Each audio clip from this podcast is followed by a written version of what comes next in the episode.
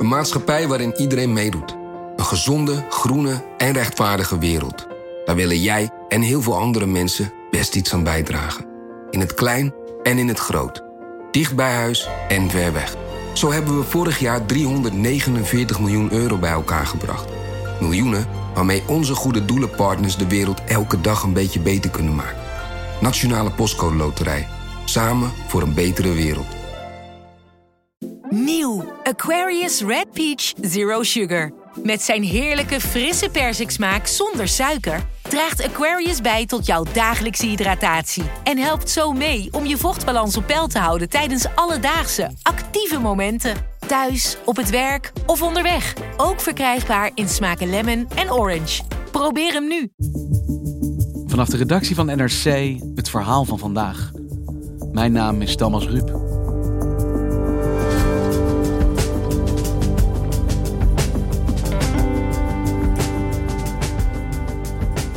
Met 728 appartementen is de L-flat in Zeist waarschijnlijk de grootste flat van Nederland.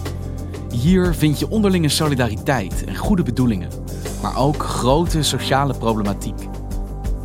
Redacteur Ingmar Vriesema heeft de L-flat als standplaats en gaat dit keer mee tot achter de voordeur. Want de L-flat krijgt een makeover.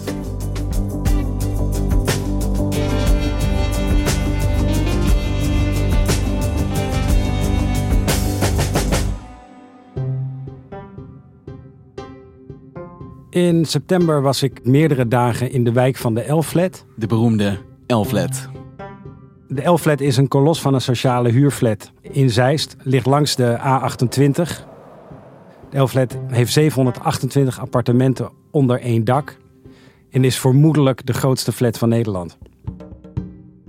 En toen ben ik meegegaan met Mona Balwand, uh, wijkconsulent. En ben ik meegeweest naar portiek één van de acht portieken van de Elflet, waar, uh, waar zij op huisbezoek ging. Hi, goedemorgen. Geen coronaklachten? Nee, nee, nee.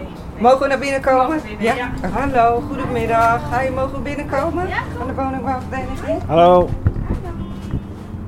Dankjewel. Zullen we mijn schoenen uitdoen? Uh, ja, graag. Ja? ja? Zorgen wij En wat was zij die dag aan het doen? Wat gingen jullie doen? Ik zal eerst vertellen waarvoor het huisbezoek bedoeld is. Mm -hmm. Want um, weten jullie dat wij hier gaan renoveren? Er komt een grote renovatie aan van de L-flat.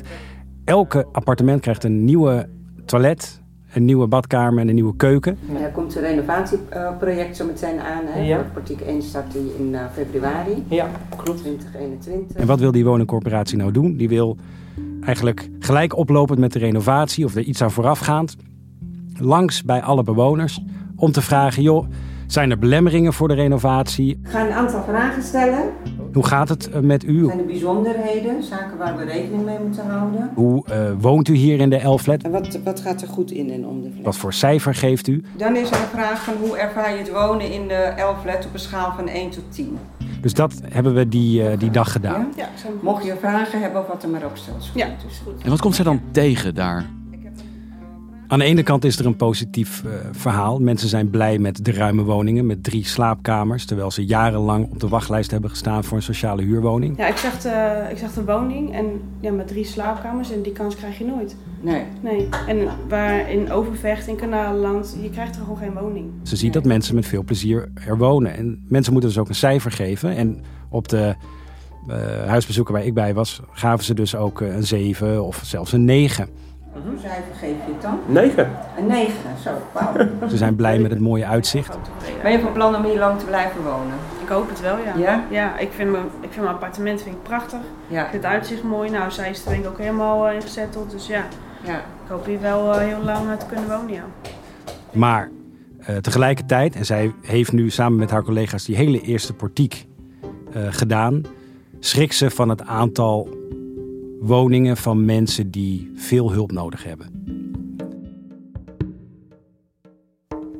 Hey Ingmar, je zit hier weer. We hebben het eerder over de Elflet gehad. Uh, jij bent eigenlijk onze correspondent Elflet. En ik begrijp dat jij daar nu zelfs bent gaan wonen. Dat klopt. Ik uh, heb in september vier uh, nachten of drie nachten doorgebracht in, trouwens niet in de L-flat, maar in de flat ernaast. Daar was een logeerwoning beschikbaar met uitzicht op de L-flat. Want jij was nog niet klaar met de L-flat. Nee, klopt. Deel 1 was pre-corona, was een portret van de flatbewoners. En mhm. deel 2 overspoelde corona ons eigenlijk en werd de flat een soort lockdown-rubriek. En nu, om de cirkel rond te maken, gaat NRC terug naar de flat voor de derde en laatste reeks. En de afleveringen die verschijnen vanaf vandaag wekelijks op het online platform nrc.nl slash terug naar de flat. En elke dinsdag staan de verhalen in iets verkorte vorm op de papieren achterpagina. Want waarom volg jij de Elflet? Wat ik in de Elflet uh, ben gaan doen, is uh, een portret schetsen van een kolos van een sociale huurflat. Een flat waar tal van sociale problemen samenkomen. Armoede, taalachterstand, integratieproblemen, laaggeletterdheid, eenzaamheid. En het leek mij interessant om in plaats van naar thema's te kijken, om naar een plek toe te gaan waar al dit soort problemen onder één dak zich voordoen. En wie wonen er in deze Elflet? Ongeveer 2000 mensen zijn er, dus je hebt van alles. Je hebt er ook jongeren die hoog zijn opgeleid en die dit zien als een starterswoning. In 2017 kwamen er, hè, dat was nog in de, de tijd dat er veel asielzoekers naar Nederland kwamen, kwam een kwart van de statushouders die zij moest plaatsen, werd in de Elflet gezet. Dus er wonen ook veel Syriërs en Eritreërs bijvoorbeeld. Een kwart van de mensen leeft in de bijstand in de Elflet. Wat hoor jij bijvoorbeeld van zo'n Mona, van het leven achter de voordeur daar? Ja, het valt haar dus op dat er meer vervuilde woningen zijn dan ze dacht. Dus zij vertelde dat ze in een woning kwam die gewoon zo volgestouwd was dat er geen bed in paste. En die man die sliep op de bank. Daar ben ik wel heel erg geschrokken. Want dat is echt dat je denkt van... Ik ben op grof vuil beland. Van toiletbril tot uh, fietsen tot antennes. Ik weet niet wat, noem het en het is er. Dus wat je merkt en wat zij vertelde is dat mensen soms geïsoleerd raken en, en, vereenzamen en daardoor een soort band aangaan met spullen. Ik heb bijvoorbeeld in Portiek één iemand die uh, verzamelt.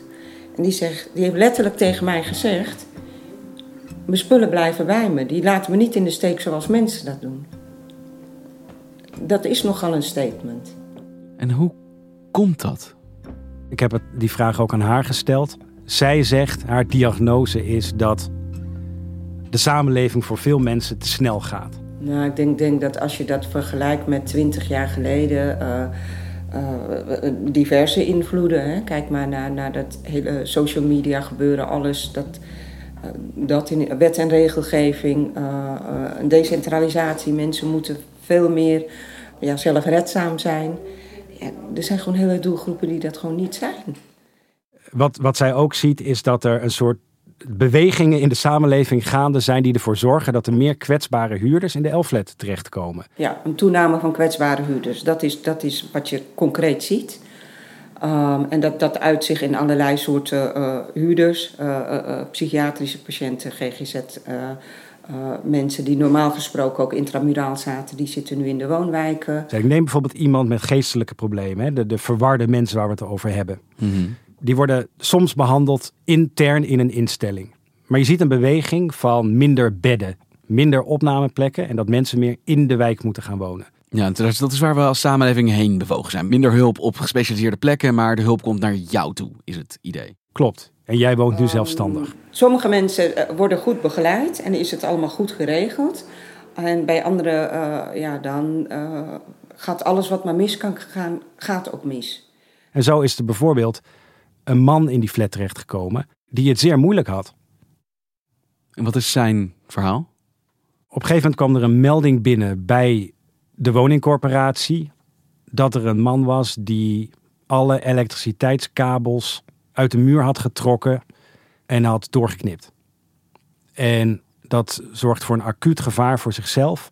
En dat was het moment waarop de politie, de wijkagent, werd ingeseind, of twee wijkagenten. En die zijn toen naar dat appartement gegaan, waar ze die man aantroffen. Mijn collega wijkagent en ik eh, werden uh, verzocht uh, door Altrecht, de psychiater, om eh, te komen naar het bepaalde adres. Sarah Joy van der Hof, dat is een van de twee wijkagenten. Bij het opendoen van de deur deed meneer al uh, ja, wat, wat paniekerig, wat angstig en ook wat uh, met hele grote achterdocht. De melding was ook dat hij kennelijk elektriciteitsdraden uit de stopcontacten had gehaald. Gevaarlijke situatie was opgetreden voor zichzelf. En er was een rechterlijke machtiging om hem te vervoeren naar een instelling, dus voor een snelle acute opname. En de politie mag dan een zogenaamde transportfouillering doen. Dus een, het fouilleren voordat hij wordt vervoerd. Oppervlakkig aftasten van de kleding of er misschien uh, iets zit wat gevaarlijk zou kunnen zijn. Dus dat, uh, dat deden die agenten en die troffen daarbij iets aan in de broekspand van die meneer. En bij hem kwamen we er dus achter dat hij een, uh, een groot mes achter op zijn rug had in zijn broekspand. Uh, dus wij zijn blij dat we dat gedaan hebben. Want, hoe, ja, groot, hoe groot was dat mis? Het lemmet was ongeveer zo groot. Ja. ja. Wat is dat? 20, 30 centimeter? Ja, dat is, dat is enorm groot. Het, is een, ja. dat is, het lemmet is dan 20 centimeter. Ja. Een groot mes waar je wel schade mee zou kunnen aanrichten. Dat had hij op zijn rug. Nou ja, dat hebben ze hem afhandig gemaakt. En uh, vervolgens is hij vervoerd naar die instelling. En nou ja, een paar weken later kwam die wijkagent die man weer tegen op de stoep. En toen, uh, daar was ik bij, omdat ik toevallig een middagje meeliep met de wijkagent. En toen kwam zij hem tegen. Wat zeg je? Oh, ik zie iemand lopen die een tijdje even weg is geweest. Ik heel even naartoe fietsen. Heb je niet hetzelfde bij je op je rug wat je toen bij je had, of niet? Nee. Nee? Weet je wel waar ik het over heb, toch? nee. Heb je niet? Nu, ik, ik kom hem bij de... Mag ik eens kijken? Nee. Ja, mag ik voelen? Echt waar. Kom maar.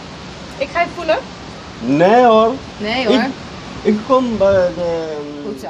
Maar ze wist op dat moment niet, is hij nou weer terug in de Elflet of is hij op verlof? Wat is hier precies het verhaal? Maar inmiddels is het duidelijk dat hij weer in de Elflet woont. En wie is er op zo'n moment verantwoordelijk voor deze man? Iemand die zichzelf in gevaar gebracht heeft, een mes bij zich had, misschien zelfs anderen in gevaar bracht, in de staat van verwarring wordt aangetroffen in zijn appartement. Wie zorgt er voor zo iemand in de Elflet? Ja, dat is een heel goede vraag, want dat legt eigenlijk precies de vinger op de zere plek. De zorg ligt bij de GGZ-instelling die hem dus ambulant begeleidt. Maar ik vroeg ook aan die woningcorporatie, vinden jullie het dan ook niet eng dat zo iemand dan nu in de Elflet woont? Want het is dus wel zo, als iemand daar woont, dan valt hij qua het wonen onder de verantwoordelijkheid van de woningcorporatie.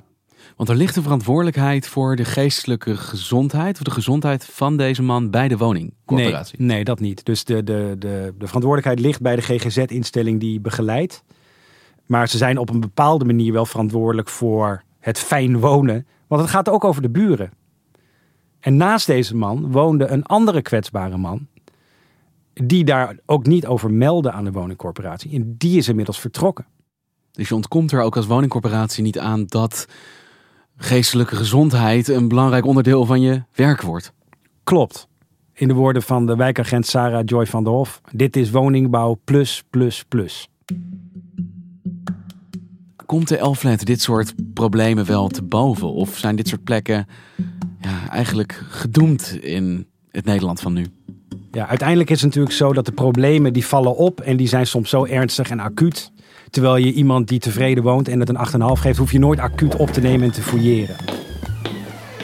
Wat er verder kan. Nou, we zijn ook op huisbezoek geweest bij een, uh, een jongen van 27, een jonge man, Soufian, die ook uit de stad Utrecht kwam. En die ook heel blij is dat hij in de Elflet woont. Ik kom uit een druk gezin. Ik ben een van de vijf, zeg maar. Dus uh, ja, nu hier heb ik gewoon lekker mijn rust. Ja. Kan ik me terugtrekken als dat nodig is. Ja. Dat is gewoon heel fijn, ja. Ja. En hij bedacht, en dit was in de lockdown, dat hij nou ja, graag hulp wilde aanbieden. Dus hij plaatste op, uh, op een woonapp, er is dus ook een woonapp, een, een soort aanbod van, joh, als je slechter been bent, want hij dacht er zijn vast wel mensen slechter been in de Elflet, dan zou ik wel bijvoorbeeld boodschappen voor u willen doen. Dus laat maar weten. Ik ben eigenlijk iemand die uh, heel hulpvaardig is, zeg maar. Ja. En ik hou er altijd van om mensen te helpen en dat doe ik heel graag. Ja. Dus uh, ik dacht van ja, dit is zo'n grote flat. Hier zullen vast wel mensen zijn die of slechter... Vervolgens heeft hij dus ook en, uh, hulp aangeboden aan een vrouw van hoog in de tachtig. En heeft hij, meer, heeft hij meerdere keren boodschappen voor haar gedaan. Ik heb ook wel eens, uh, ben ik spontaan langs geweest, ging ik bij haar gewoon een theetje drinken. En, dus ja. Wat leuk. Dat, ja, ja. Ik dacht van ja, die vrouw is eigenlijk verder alleen, die heeft niemand om zich heen, zeg maar. Ik heb wel eens bij haar s'avonds gewoon tv gekeken en zo. eh, Ja. Hoe was dat? ja, vond ik wel leuk. Gezellig, ja. Wat heb je gekeken? Ehm, oh, eh, het was eh, een heel mooi programma was dat. Oh, ik ben even de naam kwijt. Maar eh, wat was er te zien? dat is één keer eh, per jaar een soort van eh, Oh, show. Van de Passion. Eh, The Passion, juist. Ja, dat. Dat vond ik zo mooi. Ik had het nog nooit eerder gezien. En eh, ik weet dat het gebaseerd is op geloof, zeg maar. En eh, ja, ik vond dat Ik heel... heb zijn hoogbejaarde buurvrouw The Passion gekeken. Ja. ja, het was niet eens een buurvrouw. Het was een paar portieken verderop. Maar hij had dus een gezellige avond met deze vrouw, kijkend naar de Passion. Meester, zo vriend. Hier ben jij dus voor gekomen. Om mij te verraden met een kus. En met wat voor een gevoel liepen Mona en jij weg bij deze Soufiane? Al die tekenen van veerkracht of van hoop of van hulp, die zuigt Mona Balwand op. En dat stelt haar dus ook in staat om om te kunnen gaan met alle beproevingen die zij en alle collega's in die flat op haar pad krijgt. Ik vind het heel mooi wat ik in Portiek 1 vooral tegen ben gekomen. zijn hele krachtige bewoners. Ehm, wat ik steeds meer hoor, of steeds vaker eh, hoor, is hoeveel verbinding er is tussen mensen. Hier kennen wij elkaar. En hier kun je. Tuurlijk komt wel eens de politie voorbij, of de ambulance, of noem het maar op. En dan kijken we ook met z'n allen. Ja. Maar eh, we hebben er ook wel begrip voor. Wat staat er nu voor de boeg voor de L-flat? Nou, heel letterlijk eh, nieuwe wc, Nou ja, nieuwe badkamer en een nieuwe keuken. Die, dat ziet er mooi uit, dus die woningen worden beter. Mensen hoeven ook ni- niet meer huur daarvoor te gaan eh, betalen. Maar goed, dit is een renovatie die dik twee jaar zal duren. eh, corona voor lente. Maar het is een, toch wel een onzekere toekomst. Ik bedoel, ook al voor corona waren er allerlei sociale problemen die speelden. En die ook al maakten dat ik naar die L-flat wilde gaan. En die problemen worden er niet minder om. Door corona niet. Door de eh, economische gevolgen van corona. ja dus de woningcorporatie zorgt voor een nou ja, stenen renovatie, maar wie gaat er zorgen voor een sociale renovatie? Ja, zo kan je het zeggen. Succes Ingmar, dankjewel. Geen dank. Hey Ingmar, jij noemt het de hele tijd misschien de grootste flat van Nederland, mogelijk de grootste flat van Nederland. Ja, daar houden wij als journalisten natuurlijk eigenlijk helemaal niet van. Ik wil niet gewoon zeggen, dit is de grootste flat van Nederland. Ja, we weten het dus niet helemaal zeker. Ik heb dat aan zoveel partijen gevraagd. Ik heb dat aan de woningcorporatie van de Elflet gevraagd. Ik heb dat aan eh, de koepel van woningcorporaties gevraagd. Ik heb zelf het kadaster gebeld om te vragen... Joh, hoe zit dat nou? Is dit nou de flat met de meeste appartementen? Daar was ik naar op zoek. Dan kon ik namelijk gewoon schrij- schrijven... Dit is de grootste flat van Nederland. Ik weet het is groter dan de Belmer, dan de flats daar. Eh, groter dan de flats in Overvecht. Maar ik weet het niet 100% zeker. Maar dat is heel frustrerend. Je komt er dus eigenlijk gewoon niet achter of dit nou de grootste is. Nee, en daarom schakelen we graag de hulp in van eh, luisteraars van eh, NRC Vandaag en lezers van NRC. met de vraag, kennen jullie een flat die meer appartementen heeft onder één dak dan 728? Een flat die groter is dan de L-flat. Ja, precies. En als mensen dat weten, waar kunnen ze dat dan heen sturen? Dan kunnen ze mailen naar deflat.nrc.nl. Nou, ik hoop dat er eindelijk eens een keer antwoord op gaat komen. Ik hoop het van harte. Dankjewel. Je luisterde naar vandaag, een podcast van NRC. Eén verhaal, elke dag. Dit was vandaag. Morgen weer.